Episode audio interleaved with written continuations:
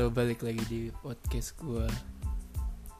Banyak orang yang nanya, bikin podcast tuh harus pakai mic, harus pakai hmm, peralatan yang mendukung gitu. Menurut gue ya bikin mah bikin aja gitu. Bisa pakai HP. Ya kalau ada rezeki bisa pakai mic. Sayangnya gue belum ada rezeki untuk beli mic-nya. Sebenarnya belum sebenarnya nggak terlalu ada rezeki sih. Karena emang nggak niat aja beli mic. Karena gua tuh lebih seneng pakai HP gini pakai speaker HP kenapa pakai speaker HP karena menurut gua cu- apa yang gue omongin ini lebih lebih intim gitu ya. Lebih apa yang ada di kepala gue lebih bisa dikeluarkan ketimbang gue harus ngomong di depan mic yang di dalam di pikiran gue kalau ngomong pakai mic itu harus sopan harus teratur ngomongnya harus terstruktur atau lain-lain harus formal. Tapi kan gue nggak bisa gitu ya. Gue kan bikin podcast untuk untuk ngomong apa adanya gitu. Di podcast kali ini gue mau ngomongin tentang hmm, gue tuh bingung podcast gue ngebahas apa ya? Dan kali ini gue oh podcast gue tuh yang naik cuman ada dua. Satu tuh ngomongin film dan yang kedua ngomongin JKT kenapa ngomongin film naik? Karena gue udah upload di YouTube dan alhamdulillah banyak banget viewsnya nggak ketebak lah. Ah, siapa lah gue gitu. Dengan subscriber 100 ditonton 1000 itu hmm, bersyukur sih. Sama ngomongin JKT mungkin mungkin ya mungkin pada waktu itu sebulan atau enam bulan ke belakang jarang ada fans JKT yang ngerambah ke podcast. Kalau sekarang-sekarang kan ada. Mungkin itu sih yang buat podcast gua ngomongin JKT48 itu naik. Dan di podcast kali ini gue akan ngomongin tentang JKT48 dalam situasi pandemik karena wabah corona. Banyak banget fans yang yang hmm, fans dan gue nanya tentang masa depannya JKT48 eh, karena pandemik ini. Banyak fans berspekulasi kalau di tahun ini emang jaket itu ada dua kemungkinan. Bisa bertahan atau bisa uh, bubar gitu. Amit-amitnya bubar. Tapi uh, ntar dulu deh. Gue jangan ke situ dulu. Uh, kenapa fans dan bahkan gue ngomongin tentang JKT48 bahkan akan bubar uh, dalam situasi pandemik ini. Karena gua kan hitung-hitungan nih. Uh, gua lihat dari segi hitungan uh, member uh, masa sih nggak digaji selama pandemik ini? Mungkin digaji tapi setengahnya gua nggak tahu. Tapi minimal mereka digaji. Karena kalau nggak digaji kan ada member yang ngekos di Jakarta. Mungkin sih member yang akademik uh, gua rasa gajinya nggak segede yang di tim ya. Tapi gua nggak mm, gua nggak tahu. Tapi uh, gajinya pasti ada. Belum lagi staffnya uh, manajer dan lain-lain gitu tiketing. Uh, masa sih mereka nggak digaji itu? Uh, gue mikir uh, sejauh itu gitu. Mungkin sih JKT48 di tahun ini bakal bubar karena nombokin gaji dan lain-lain. Mereka kan nyewa tempat latihan nyewa gedung bahkan nyewa teater. Teater kan nyewa hitungannya. Uh, nyewa bukan sih gue nggak tahu tapi kayaknya nyewa deh. Iya deh kayaknya nyewa. Uh, dan didukung juga oleh video. Gue lupa namanya tapi video yang hmm, teteh melodi bersih di teater gitu ya. Terus abis bersih terus teteh melodi ngomong kalau uh, eh, GM teteh melodi dan staff JOT itu eh, nggak uh, tahu ke depannya JKT uh, eh, bakalan seperti apa tapi teteh melodi sama staff JOT minta fans untuk hmm, tetap menyemangati member JKT48 dan JKT48-nya itu sendiri. Itu membuat spe spekal spekulasi gue nambah nambah nambah bah gue bahkan udah sempat ngomong kalau ah ini mah udah fix jagat di 48 memang bener bubar sih nunggu waktu aja. Hmm. dan yang ketiga ya karena kurangnya perform ya. Eh, perlu diketahui kalau uang JKT48 itu eh, asalnya banyak. Cabangnya banyak bisa itu. Sponsorship eh, sosial media YouTube eh, eh, copyright eh, dan lain-lain. Tapi menurut gue basic dari uangnya JKT48 itu panggung teater. Kalau teaternya ditutup itu pemasukan utama lah. Pemasukan utamanya JKT48 bakal ya nggak bakal eh, maksudnya bukan bakal lagi gitu. Udah udah pasti nggak ada dan bisa dilihat teater JKT48 sekarang udah ditutup mau FX udah ditutup.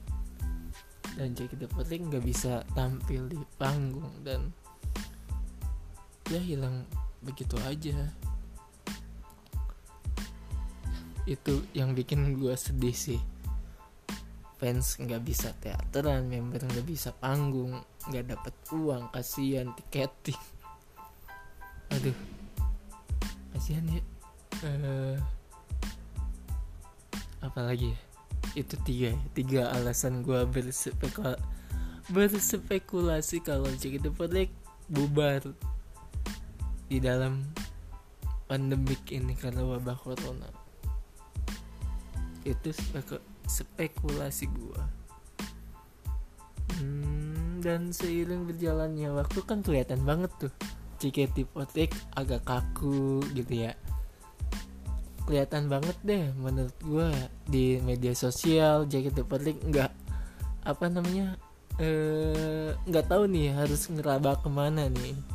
Ini dalam menurut gua ya JOT JOT ini lagi nggak tahu mau di ke mana ini JKT48 karena kelihatan banget di media sosial nggak ada apa-apa di di Twitter di YouTube di Facebook bahkan Facebook malah sepi banget JKT48 uh, eh, karena di Facebook cuman ada fans fake-nya doang nggak membernya nggak ada di Facebook. Mungkin kalau di Twitter member hadir terus ya walaupun pandemik. Tapi di Facebook sepi banget uh, di YouTube juga awal-awalnya sepi kita kita malah nontonin eh, video-video uh, yang dulu tapi seiring berjalannya waktu sebulan dua bulan JKT48 hmm, menurut gue nggak bakal bubar. Spekulasi gue yang selama ini uh, yang gue tebak bah bahwa JKT48 akan bubar di tahun ini di pandemik. Karena wabah corona ini terpatahkan oleh kerja kerasnya JOT oleh kerja kerasnya member JKT48 kenapa? JKT48 wush, ngerombak semua sistem. JKT48 menurut gue uh, ngedobrak sistem. Membuat bahkan ya membuat terobosan yang sekiranya ke depannya bakal bagus nih uh, terobosannya uh, gue urutin deh. Dari segi media sosial. JK, JKT48 kayaknya ya.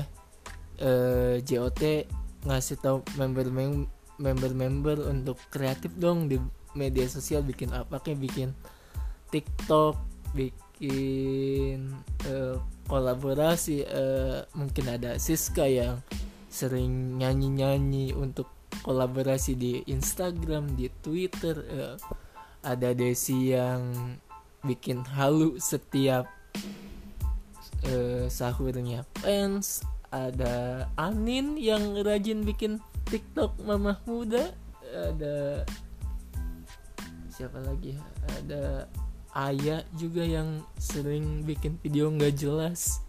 Ada Puci juga yang selalu rajin nge-tweet uh, walaupun tweetnya gue nggak tahu dia kenapa sih nge-tweet kayak gitu. Whatever lah. Ada siapa lagi?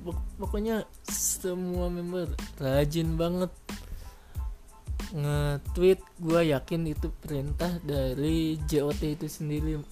Nyuruh member untuk kreatif dan lebih rajin di media sosial. Uh, Cika. Cika bahkan uh, Cika bahkan nge-tweet dia uh, mau potong rambut nggak dibolehin sama mamahnya. Tapi itu berhasil banyak fans yang ngereaksi itu. Eh, siapa lagi? Pioni Pioni sukses banget bikin konten di Twitter konten masak-masak yang selalu gagal tapi lucu Pioninya hmm, Kriska yang eh lucu Kriska lucu banget. Dia tuh pandemik terus nginep di rumah teteh email teteh melodi terus selalu digangguin sama teh melodi terus dibikin konten dimasukin di twitter itu lucu banget sumpah uh, Katri yang tim Katri yang selalu selalu selalu kreatif. Katri itu apa ya? Uh, aduh.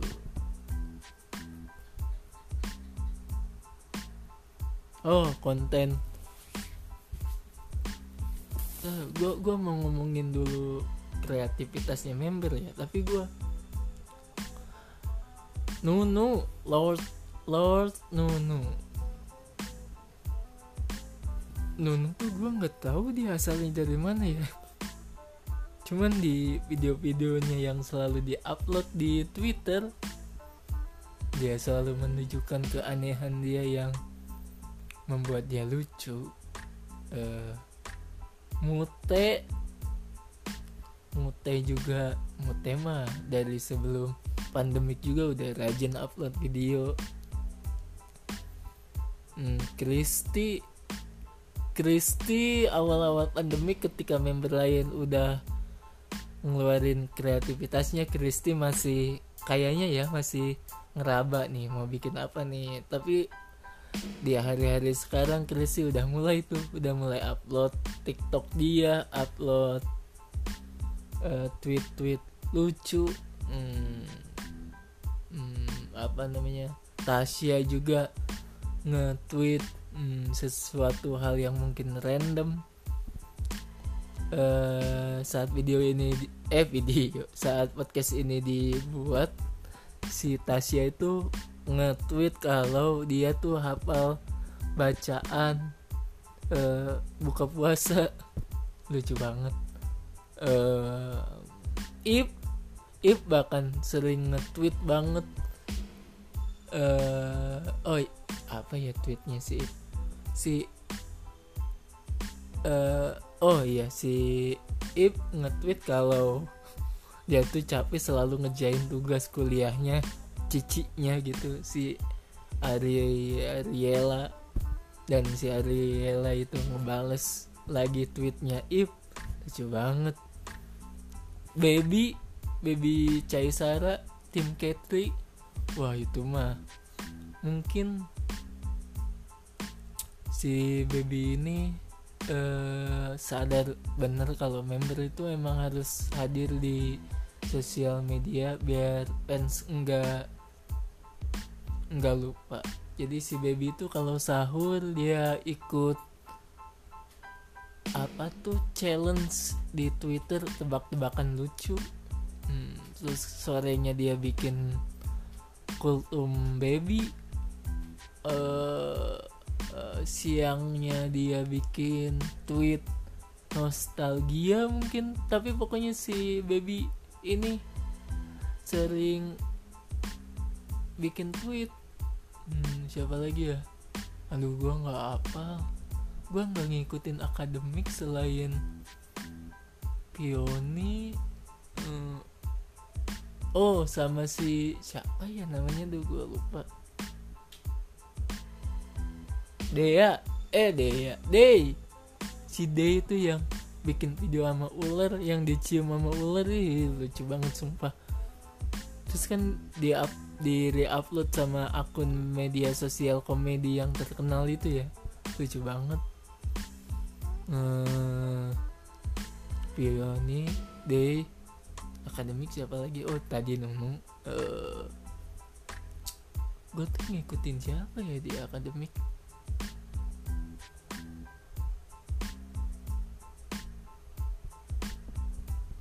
Siapa ya? Oh si Badrun. Siapa sih si Badrun nama depannya teh? Hmm ya Allah gua lupa. Siapa ya? Piona PE uh, ya Allah gua lupa. Si Badrun pokoknya si Badrun. Dia selalu mm, tweet hal-hal yang lucu hal-hal yang mm, gue tebak si Badrun ini. Menurut gue selalu bikin tweet yang ngelanggar batas tapi bikin batas baru gitu. Uh, itulah kenapa ada kalimat yuk bisa yuk gitu. Itu kan awal dari uh, uh, komedi yang mm, ngelanggar batas tapi bikin batas baru itu muncul munculnya di Badrun gitu. Gue nggak bisa ngejelasin tapi ya kalian tau lah kalau ngeliat tweetnya Badrun gitu. Hmm, Kristi Kristi yang gue sayangi gitu ya. Eh gimana ngomongnya? Kristi yang sempat hmm, ya kalau nggak ada Mama Yona mah Kristi videonya jarang yang jarang yang upload ya. Biasanya kalau ada Mama Yona Kristi tuh paling paling naik gitu video-videonya.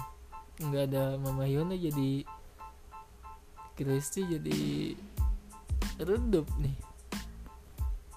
Itu dari segi member. Udahlah segitu aja ya. Kayaknya banyak banget deh member yang kreatif. Siska tuh Siska sama nyanyi ya sama Marion Jola kalau gak salah. Jadi ada fenomena gitu ya bukan fenomena bukan fenomena ada kreativitas dari netizen Indonesia jadi bikin video setengah terus setengahnya kosong berharap yang kosongnya diisi oleh netizen lain dan jadi duet gitu. Dan kemarin si Marian Jola bikin musik duet terus disautin nama Siska dibikin satu video satu frame dan di retweet sama Marion Jola akun ofisialnya uh, itu lucu banget.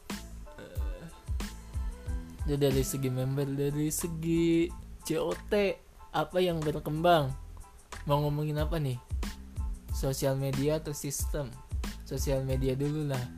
Di YouTube banyak banget eh, konten-konten lama di upload dan konten-konten baru juga ada yang di upload konten lama itu konten MP uh, itu MP yang kita tunggu-tunggu muncul kembali. Konten MP he, he, Heavy Road Happy Rotation diupload sama JOT di akun YouTube JKT48 dan itu membuat kita aduh kemarin ada apa sih apa sih yang di kawah putih teh Ka Kajewa Pu Puiteiru angin yang berhembus.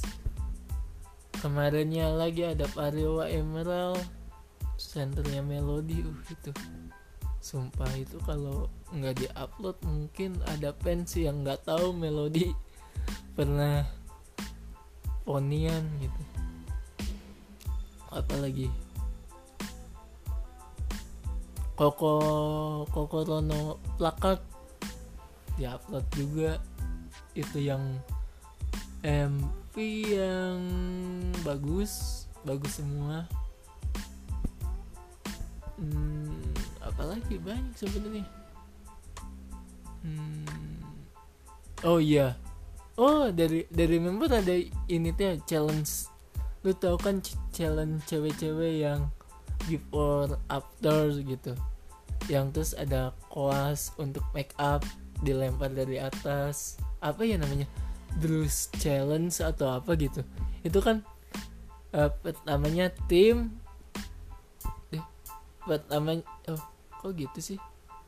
Oh kelap kelip podcast gue pertamanya kan uh, kok gitu sih podcast kelap kelip kenapa ya? Pertamanya kan yang bikin tuh tim Katri itu Bruce Challenge dari biasa aja ke cantik. Terus dibales sama tim J. Tim J malah bikin dari cantik ke biasa aja. Dan ini south kayak south southan gitu. Ini kan tim Katri dari biasa aja gitu ya. Ke cantik itu ya banyak di IG tapi yang cantik ke biasa aja itu jarang banget di media sosial.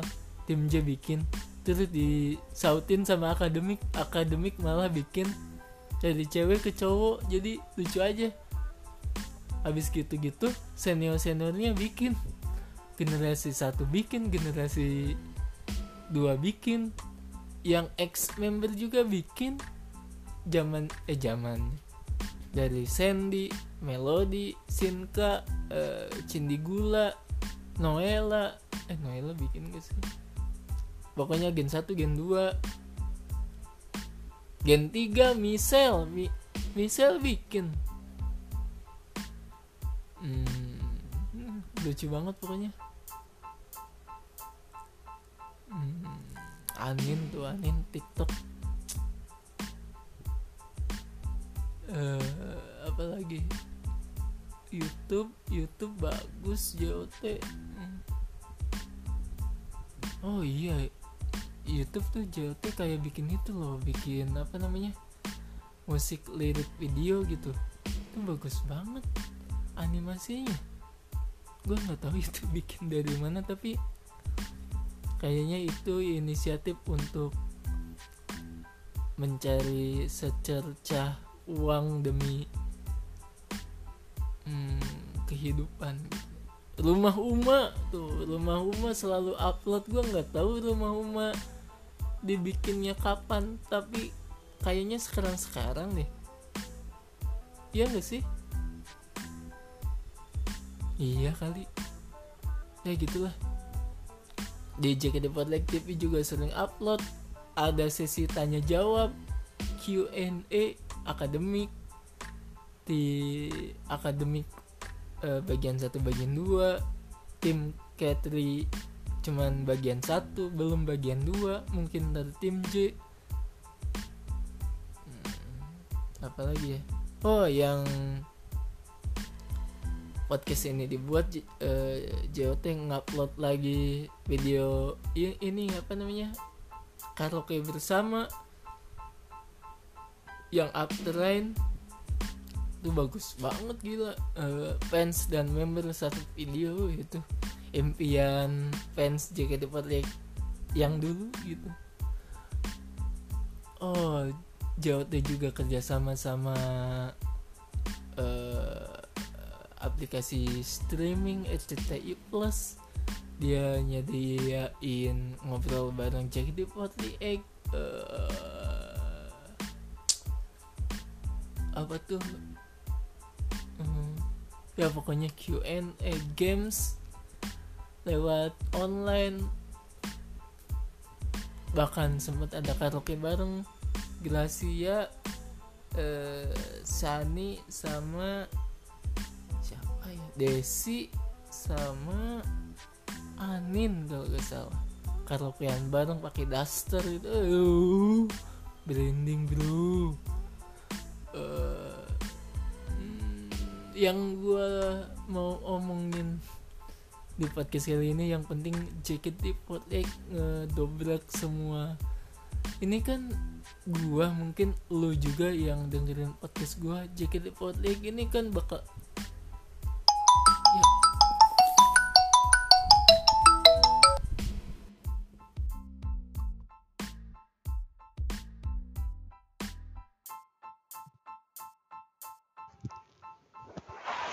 uh, sorry.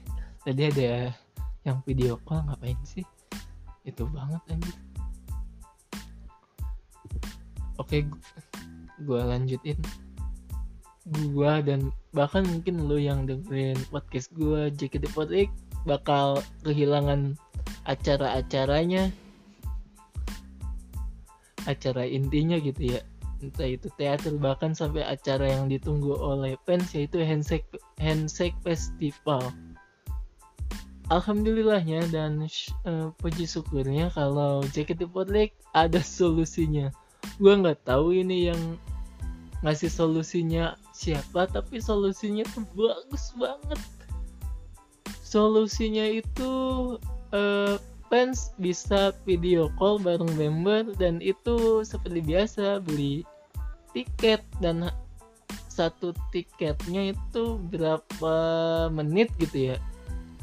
Harganya itu 100 itu sukses banget. Bahkan gue lihat di Twitter ada yang sold out dalam jangka waktu 3 menit. Bahkan satu menit gue lihat Sani kalau nggak salah sold out handshake festival eh handshake festival video call uh, hmm, bareng fans sold out dalam jangka waktu satu menit. Gila nggak tuh itu menurut gua terobosan mungkin bisa dipakai setelah pandemik ini usai itu bisa dipakai lagi gitu. siapa sih orang yang gak mau video call bareng member? Gue aja kalau ada duit mau. Gue beli. Cuman gak ada duit aja. Itu kan jadi video call tuh pakai aplikasi Zoom ya. Jadi ntar tuh ada hostnya hostnya JOT jadi ada tiga orang. Uh, lu atau kita member sama JOT jadi ntar tuh ada semacam antrian gitu. Ya pokoknya tekniknya dipelajarin lah. Tapi itu terobosan bagus banget. Uh, mungkin video call ini sebulan sekali bakal laku sih hmm apalagi? Udah mungkin itu aja kali ya. Tapi uh, ada juga hal-hal yang yang ditunggu-tunggu harus hmm, harus bersabar gitu ya. Dari segi uh, graduate-nya member uh, melatih meme uh, uci uh, baby uh, siapa lagi ya? Uh, uh, pokoknya member-member yang graduate nggak bisa ngadain lesaunya penampilan terakhirnya di teater karena pandemik ini. Bahkan akhir-akhir ini si Puci memutuskan untuk nggak apa-apa lah nggak enggak penampilan terakhir di teater asal gue bisa resmi graduate tapi di graduate-nya di uh, apa hmm, di kayaknya ditayangin online gitu. Gue nggak tahu tekniknya cuman di online kan gitu. Itu sayang banget gue nggak ada momen nggak ada foto bahkan. Nggak ada foto si Uci nurunin kabesanya di teater. Uh sedih banget gue mungkin di tahun ini kayaknya ada member yang memutuskan untuk graduate cuman nggak jadi karena mau memutuskan uh, di saat semua orang lagi kebingungan gak enakan atau bahkan mau mau memutuskan tapi nggak tahu lagi uh, dia ada hmm, mau kerja apa Hmm, apa lagi? Tahun besok mungkin ada lagi yang graduate. Ya mungkin itu doang lah. Menurut gue jika Project sukses di dalam situasi pandemik karena wabah corona ini. Ya mungkin itu doang lah.